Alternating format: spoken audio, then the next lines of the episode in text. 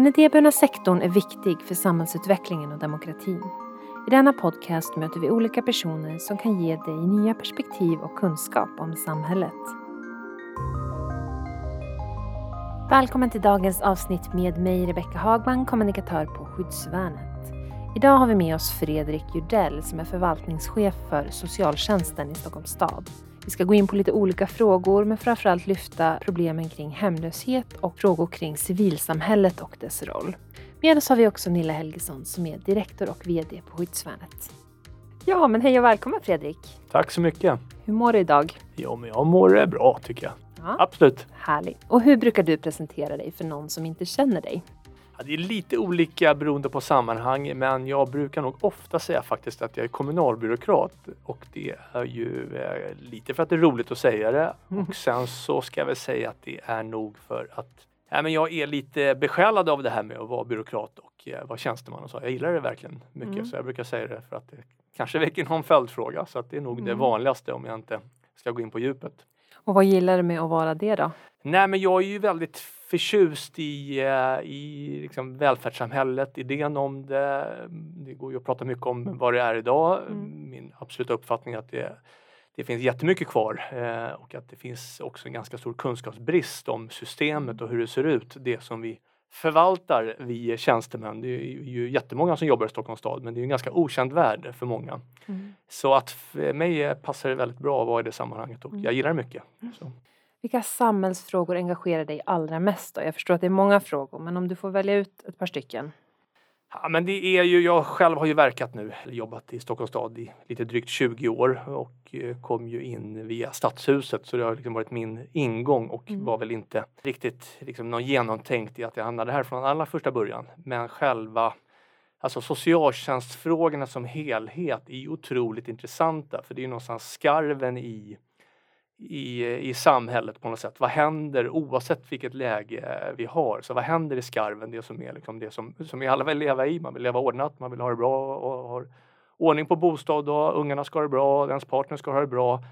Men det uppstår i massa situationer som kan se ut på massa olika vis och just den där skarven, hur samhället tänker om det där, hur man mm. hanterar det. Jag tycker att det är oerhört intressant att få vara där och under de här 20 åren så har ju det ju varierat väldigt mycket vad det är för typ av detaljfråga. Eh, som fråga som hemlöshetsfrågan har ju ändrat sig väldigt mycket på 20 år om man ska ta ett exempel. Så att mm. jag tror det är själva grunden att få vara med i den här, liksom, vad händer när det inte riktigt blir som det är tänkt? Du har ju en bred bakgrund inom Stockholms stad som sagt och hade ju nyligen uppdraget som stadsdelsdirektör i Spånga-Tensta. Och det är ju ett område med många utmaningar. Kan du nämna några exempel på saker som du var med och drev för att utveckla och förbättra den här stadsdelen? Jag skulle väl nog kunna prata i timmavis om, eh, om utsatta områden och Järva och hur det är att verka där. Men om jag ska försöka vara lite kort så mm. Alltså Spånga-Tensta, om man pratar rent faktiskt, eh, har ju haft som stadsdelsförvaltning och en stadsdelsförvaltning då, det är ju den lokala socialtjänsten i Stockholm. Eh, lite drygt tusen anställda i den stadsdelsförvaltningen i socialtjänst, förskola, äldreomsorg. Jag skulle nog för att dra till lite säga att det kanske var den absolut tuffaste situationen i hela landet som Spånga-Tensta hade. Det var ju eh, en bit, något år innan, eller ett halvår bara innan jag tillträdde så var det ju ett brandattentat mot receptionen. Det var mm. upprepade attacker faktiskt på lokaler. En oerhört, oerhört pressad arbetsmiljö. Det var ju nationell uppmärksamhet eh, från eh, från SACO och SSR till exempel om hur det var från nationella fack, hur arbetssituationen var. Det går ju att säga jättemycket om den situationen men jag har nog svårt att ringa in något annat liksom, huvudord än att vi hade en stor förtroendekris. Eh, och det ska jag verkligen inte ta på mig själv men, men vi jobbade väldigt mycket med den förtroendesituationen med de som bor där och det måste jag säga. Det, det fanns jättemycket bra som gjordes så att det var inte, verkligen inte någonting som jag själv kom på men, men tiden var väldigt mogen att börja prata utifrån det här läget där vi var nästan som sämst, där ju eh, folk flydde från Spånga-Tensta för att man var rädd. Mm. Till att börja verkligen prata om vad är det som gör det möjligt att vara här? Hur gör vi det på ett bra sätt? Att liksom vara en del i den där förtroenderesan som jag nog uppfattat, eh, liksom, det, det har hänt jättemycket bra mm. eh, också sen jag lämnade där. Det tycker jag var fantastiskt roligt och fantastiskt givande och ändå ett, ett kvitto mm. tycker jag. Mm. Om vi går tillbaks då, idag är du förvaltningschef för socialtjänsten. Vad gör du i den rollen? Ja, nu ska jag inte trötta ut lyssnarna med någon stor organisationsdiskussion. Men Stockholm då, vi har ju 13 stycken lokala socialtjänster i stadsförvaltningarna. Var och en av de där 13 är ju minst lika stor som en stor svensk kommun och några är ju mycket större. Och socialförvaltningens roll, där jag själv finns då, vi är ju ja, två ben kan man säga. Dels är vi ju över, eh, liksom har, ett samordningsansvar. Vi är inte överställda formellt, men vi ska ju samordna hela socialtjänsten. Så det är det ena benet. Hur, hur är det att komma till socialtjänsten i Stockholm?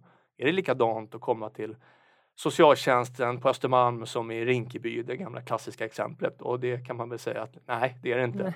Men det är någonstans vårt ena uppdrag att ändå eh, hålla ihop det där. Mm. Eh, det andra uppdraget är ju att vi har också massa egen verksamhet så att det är också en egen socialtjänst.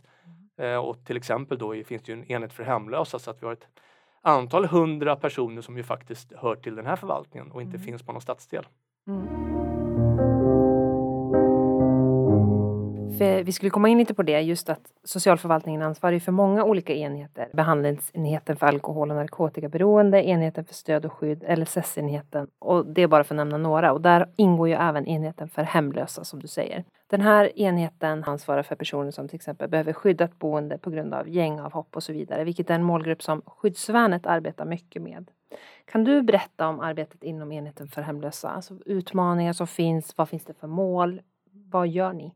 Om jag ska berätta kort då så är ju den här avhopparfrågan en sån här fråga eh, som jag själv har följt sedan den kom in och då skulle jag väl vilja säga så här. Det är ju en, en, det är inte en ny målgrupp men sättet att tänka kring målgruppen och hur vi jobbar får man ändå säga är nytt. Och då skulle jag väl eh, vilja säga så här då för att och liksom ändå spetsa till det lite att som så många frågor i socialtjänsten så är inte det någon enkel fråga. Mm. Och det är ju personer som ju kommer då, alla som kommer till oss har ju någon form av, av liksom, historia med sig. Men den här historien är ju ofta sån, det är väldigt mycket män, eh, man är ju oftast ändå, liksom, hör ju till de yngre, det hör ju till saken, inte jätteung. Det hör ju till saken också att den här kategorin unga män med ändå, eh, som det ofta blir då, en våldshistorik, en våldskapacitet, Mm. är ju oerhört svår oavsett vilken forskare man pratar med, vilket land man än tittar på så är det en jättesvår sak verkligen. Och motivationsfönstret som man ju kanske alltid pratar om i socialtjänsten är ju oftast väldigt, väldigt begränsat.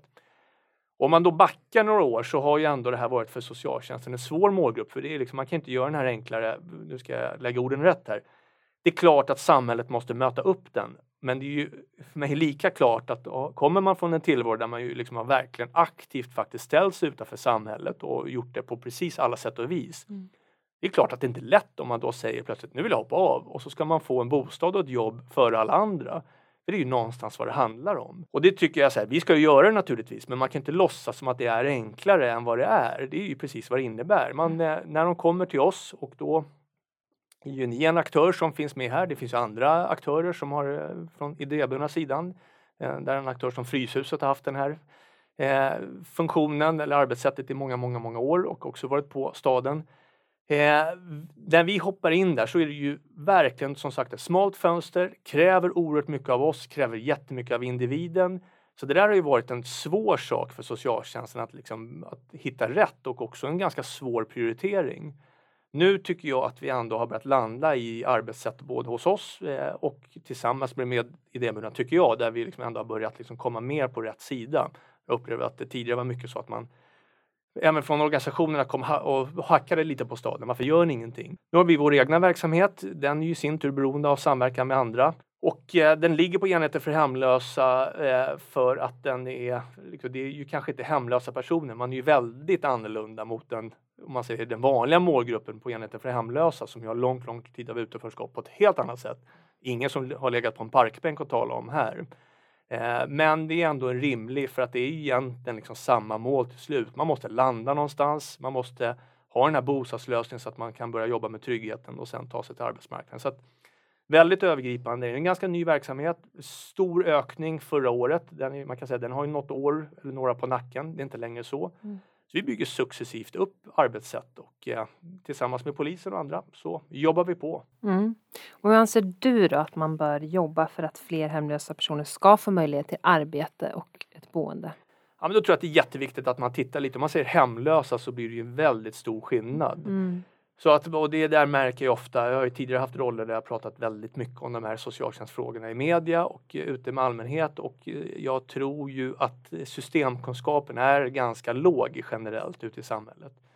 Så därför får jag ändå börja. Nu kanske lyssnarna här har stenkoll men, men jag möter ofta uppfattningar till exempel som att samhället gör ingenting för hemlösa. Nej men det är ju verkligen inte så. Sen kan man ju förstås eh, fundera på om man gör rätt saker, om man gör bra saker. Men en hemlös person som man ser ute på gatorna det är ju inte så att de är obekanta för socialtjänsten. Det finns ingen, vågar jag lova, som är stockholmare som liksom inte haft med samhället att göra på olika sätt.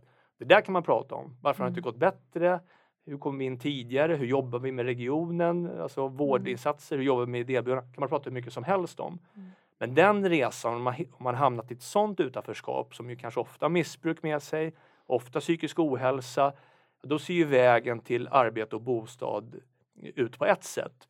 Och där kanske man kan ställa totalt andra krav. Stockholms linje nu, eh, som ju verkligen är en förändring, är ju det här med bostad först, att vi ju faktiskt har en helt annan ingång till bostadsmarknaden och för den gruppen kan man säga det är nästan ingen idé att prata arbetsmarknad ordentligt om man inte kan bo någonstans. Det går inte att sköta ett jobb om man liksom inte kan mm. sova någonstans och, och, tvätta sig. Så det där är ju vägen in till att börja prata övrig styrning. Mm. Och hemlösa vill jag passa på att säga det för det är också till det här att varför gör inte samhället någonting så finns det ju också en väldigt återkommande uppfattning om att antalet hemlösa ökar. Nu gör det inte det. Tvärtom, det minskar ju liksom den klassiska gruppen hemlösa. Mm. Så som vi räknar har ju skett en otrolig minskning under de 20 år jag har jobbat.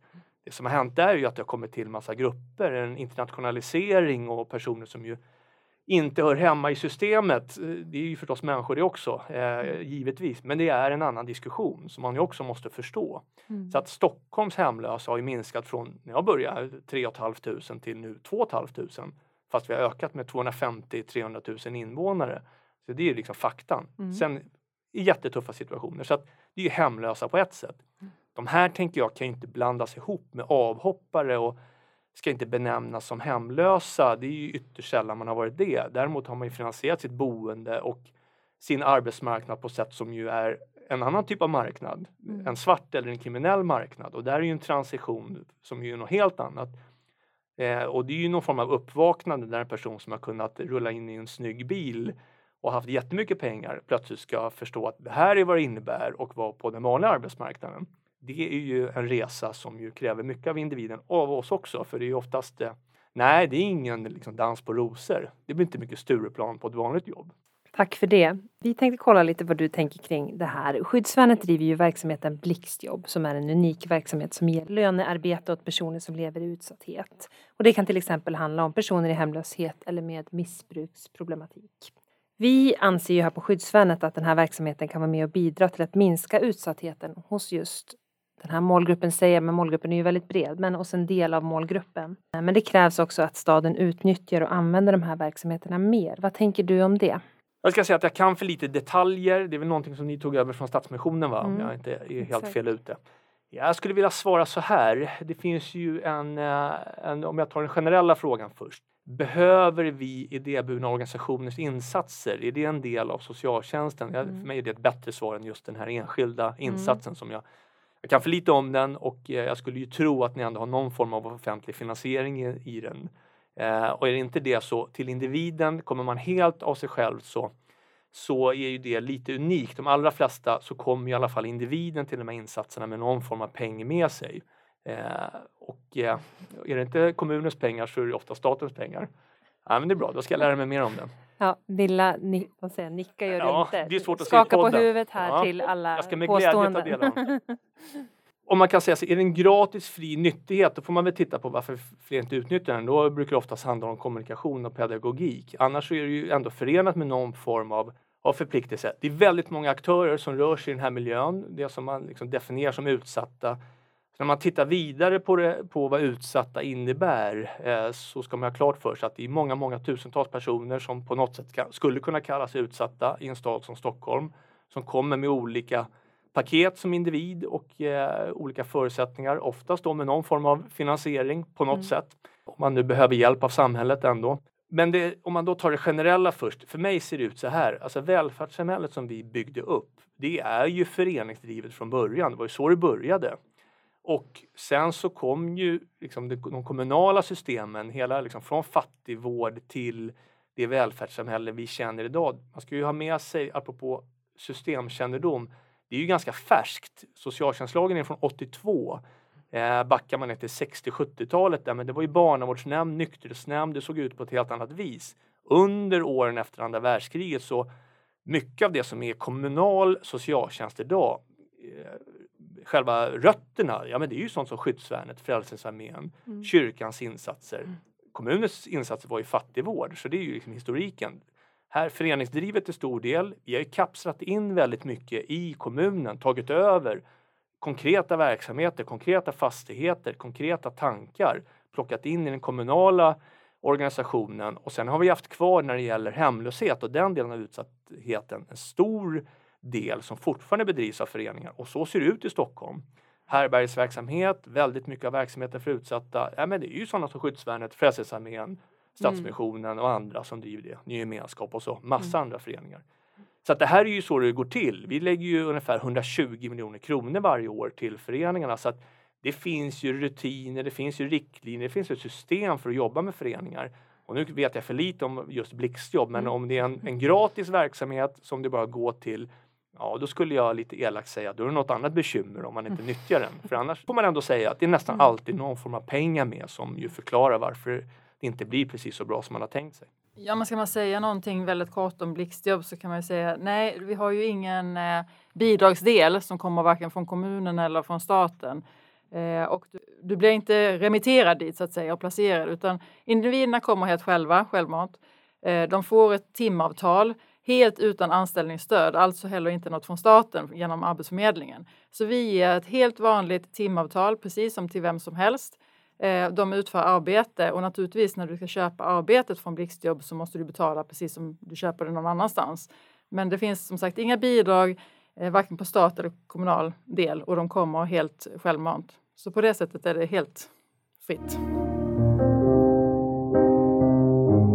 Alltså detta med eh, hur mycket civilsamhälle vi har eller idéburna organisationer som gör olika insatser som olika aktörer. Vi är ju underrepresenterade om man jämför med bland annat de nordiska länderna till exempel. Ja, anser du att Sverige bör arbeta så att vi får en större mångfald eh, och i så fall hur? Mer aktivitet och ännu mer konkret? Det skulle jag säga, ja, det är inte riktigt min roll. Jag är ju kommunalbyråkraten och säger vad man bör, så här, nu bör ni engagera er, det hör ni själva. Det är ingen som kommer göra det. Eh, men jag, jag, vet faktiskt inte, du får nog gärna berätta faktan. Det där är intressant. Jag kan säga så här, de nordiska, jag kan dem inte i detalj förstås, men jag kan ta ett exempel som ändå är för mig en del av svaret på varför det ser annorlunda ut med det idéburna eh, eller det frivilliga engagemanget. Jag hade en, en konferens här förra veckan med ett antal europeiska städer. Det var Wien, och Amsterdam, Barcelona, Madrid och en hel del andra tittar man eller lyssnar på då, hur de har haft under coronan så får man sig ändå en tankeställare. Jag tycker det är lite bra att ha med det. Nu ska inte jag föregå någon coronastrategidiskussion eh, om vad som varit bra eller dåligt, men lyssnar man på Madrid till exempel, där ju, de har fått bygga upp ett helt system med emergency calls. Det sitter barnfamiljer, äldre i en lockdown helt utan stöd. De får ingen mat, de kan inte gå ut. Och de har fått bygga ett nät av frivilliga som på något sätt hjälper dem det ser inte ut så i Sverige för vi har ju, tänker jag ändå, kapslat in en väldigt stor del av den där typen av insatser i den kommunala eh, organisationen och har gjort den sedan då i alla fall ett halvt århundrade. Och det där vågar jag ändå säga ganska tryggt att det är många saker av dem som jag vet när jag hör mina kollegor så kan jag säga jag vet att det där gör vi. Det blir hemtjänst i, i Sverige och Stockholm. Och så ser det inte ut. Man ska ändå ha med sig det att mycket av det där, det, det tar vi hand om. Det ska man lita på att vi gör och det är därför det är så viktigt att ändå säga att det finns ju system och det håller till väldigt stor del. Eh, så det är liksom det ena spåret, att det faktiskt behovet ser annorlunda ut. Sen eh, har jag inte sett, ja, det här med fri, frivilligt engagemang, hur man definierar det. Jag tänker på idrottsrörelsen och alla som är med där. Hur ser det ut egentligen? Det får ni nog hjälpa mig om man slår ut helheten. Är det så stor skillnad? Eh, det vet inte jag faktiskt. Alltså nu tittar vi ju specifikt det som vi kallar idéburen välfärd, alltså det är inom välfärdsområdet. Så det är ju vård, skola, omsorg mycket. Så. Och där ligger Sverige ungefär på att ha 3% av så att säga, marknaden. Medan de andra nordiska länderna ligger någonstans och svajar mellan 8 och 14 procent, alltså betydligt mer än oss. Tittar man ut i Europa så kan det ligga på liksom 20, 30, 40 procent. Och det är precis som du säger då med ditt exempel att det är lite annat samhällssystem där. Men Norden kan vi ändå mer jämföra oss likt med. Sen så har du ehm, länder som Tyskland, Belgien där den största delen av sjukvården är idéburen för det är fortfarande liksom kyrkorna som någonstans äger den. Så att ja, det är en stor skillnad och frågan är väl vi tycker själva naturligtvis, vi är ju partiska i det, vi tycker att 3% är för lite för att få den mångfald som politiken vill ha. Och det är väl där någonstans, vi har inte satt en specifik siffra, men när offentliga och kommunal eller och privata är betydligt mycket mer och den idéburna är 3% men man säger sig vilja ha en mångfald. Det är väl där någonstans. Och vad kan man göra, vad görs om man nu verkligen vill ha en mångfald? Och då kanske vi pratar om lite olika saker. Då finns ju ett stråk som är engagemang och varför man liksom vill lite mer som medborgare engagera sig. Jag tänker så här, då, då blir det lite en annan diskussion för mig. Pratar vi om just den idéburna delen av välfärdsutbudet, ja, då blir det en liten annan fråga organisatoriskt och då tänker jag så här, Alltså vi har ju de system vi har. Vi har ju ändå lite olika delar där man kan komma in som idéburen organisation och vara med och, och både lägga anbud och vara med och driva verksamhet. Så att ytterst tänker jag, jag, jag kan tycka jag inte har någon riktigt bra uppfattning om vad man borde göra mer om det. Så att jag tycker inte jag kan säga något bör. Men du säger ändå det med upphandling är intressant för vi märker ju själva att många inom idéburna eh, inte lägger anbud. Eh, för att man är rädd för det, man har aldrig gjort det och så vidare. Och det måste vi jobba internt. Men vi ser ju också att de som upphandlar inte riktigt tar med i beräkningen att vi är annorlunda i uppbyggnad. Och det kan också sätta käppar i hjulet i rent upphandlingssituationer.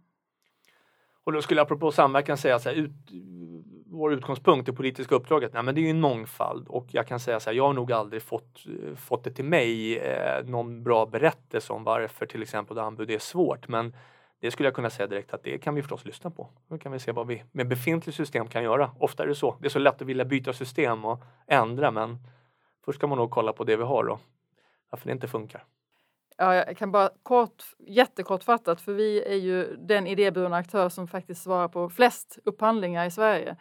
Jag ska säga så här, vi diskrimineras ju bland annat när det krävs eh, UC, alltså vilken kreditvärdighet vi har. Eh, som ideell eller stiftelse kan du inte lämna in det, eller rättare sagt upphandlaren kan inte ta det. Då krävs det ibland att vi ska göra ett så att låtsas UC-objektiv som kostar oss 4 till 5 000 per anbud. Och lämnar du in 50 per år så kan du själv räkna ut. Den, en sån diskriminering till exempel. Eller att vi ska ha, ta bankgarantier eller liknande som kostar pengar, mer tid, som inte tas av ett AB till exempel. Det är exempel på sådana saker. Mm. Ja, eh, mer samarbete då mellan idéburna och offentlig sektor. Hur det kan ändå, om vi inte bara säger välfärdsaktör utan allmänt hur kan vi samarbeta? Jag vet att Stockholms stad har en del IOP Eh, alltså hur tänker man där? Både när man vill man ha fler? Hur har man bildat de här IOP-erna? Får alla möjlighet att ta del så att säga så att inte heller andra känner att oj, det var bara vissa organisationer som fick det. Hur arbetar man där? Och börjar med det formella svaret så har vi ett uppdrag att vi ska eh, se över möjligheterna till fler IOP. Det är ett uppdrag som ligger från politiken här eh, i årets budget. Vi är återigen då kommunen, vi kör med ettårsbudgetar. Det är så vi lever, ett år i taget. Man ska vara lite krass. Eh, den är ganska ny den här formen och är fortfarande lite för utprövande och jag tror nog att det kan ligga lite i det där att det har inte varit jättelätt för oss att veta vilken ända ska vi börja med? Vad är rättvisa? Hur, eh, hur hamnar vi rätt så att man inte blir känner då att det här var någon som fick åka en gräddfil. Så att jag tror att de, vi har nog börjat med att göra någon form av analys, försöka prata med organisationerna. Har, det finns ju ett växande antal olika EUP från oss eh, centralt då i socialtjänsten och sen har väl rätt många av stadsdelsnämnderna numera EUP. Och det kan ju verkligen se helt olika ut. Om man går till Spånga Tensta så var grannstödsbilen var ett IOP med grannsamverkan och så fanns det då stora sociala aktörer framförallt på Tensta-sidan.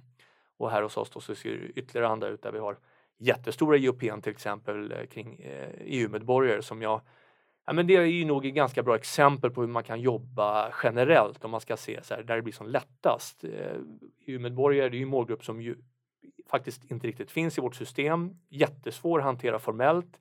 Men det är människor och de finns här. Plock, Skickar man in det, det är ju för det första väldigt mycket politik i det, men att ta med in dem till socialtjänsten blir ju inte så bra för att liksom, lika behandling, krav istället på de som kommer kan vi inte göra på samma sätt riktigt. Så det är verkligen det är svårhanterligt eh, ur, eh, ur vårt perspektiv, eh, vad, hur vi än vill. Och då är ju en en annan aktör som har en annan grund är mycket mer lämpad och det är därför har vi också landat i IOPN. Så det är väl typexempel tycker jag där det verkligen kan bli en win-win. Eh, en, en, en, man kan säga en samhällsutmaning som vi alla ser och där våra verktyg faktiskt blir begränsade och där det engagemanget kan bidra med någonting som blir mycket bättre än vad vi hade kunnat göra själva. Så du säger att ni ska både så att säga, utveckla befintliga IOP och den diskussionen ni har och det ska utökas? Ja, uppdraget är att utöka och sen så tror jag så här, sen är det nog olika områden som, som eh, passar eller som blir lättare för oss. Eh, men det finns inte något uppdrag nu inom det här området ska det bli UP eh, utan vi är nog talbara och så kommer vi alltid att säga vad som är svårt också. Det är vårt jobb.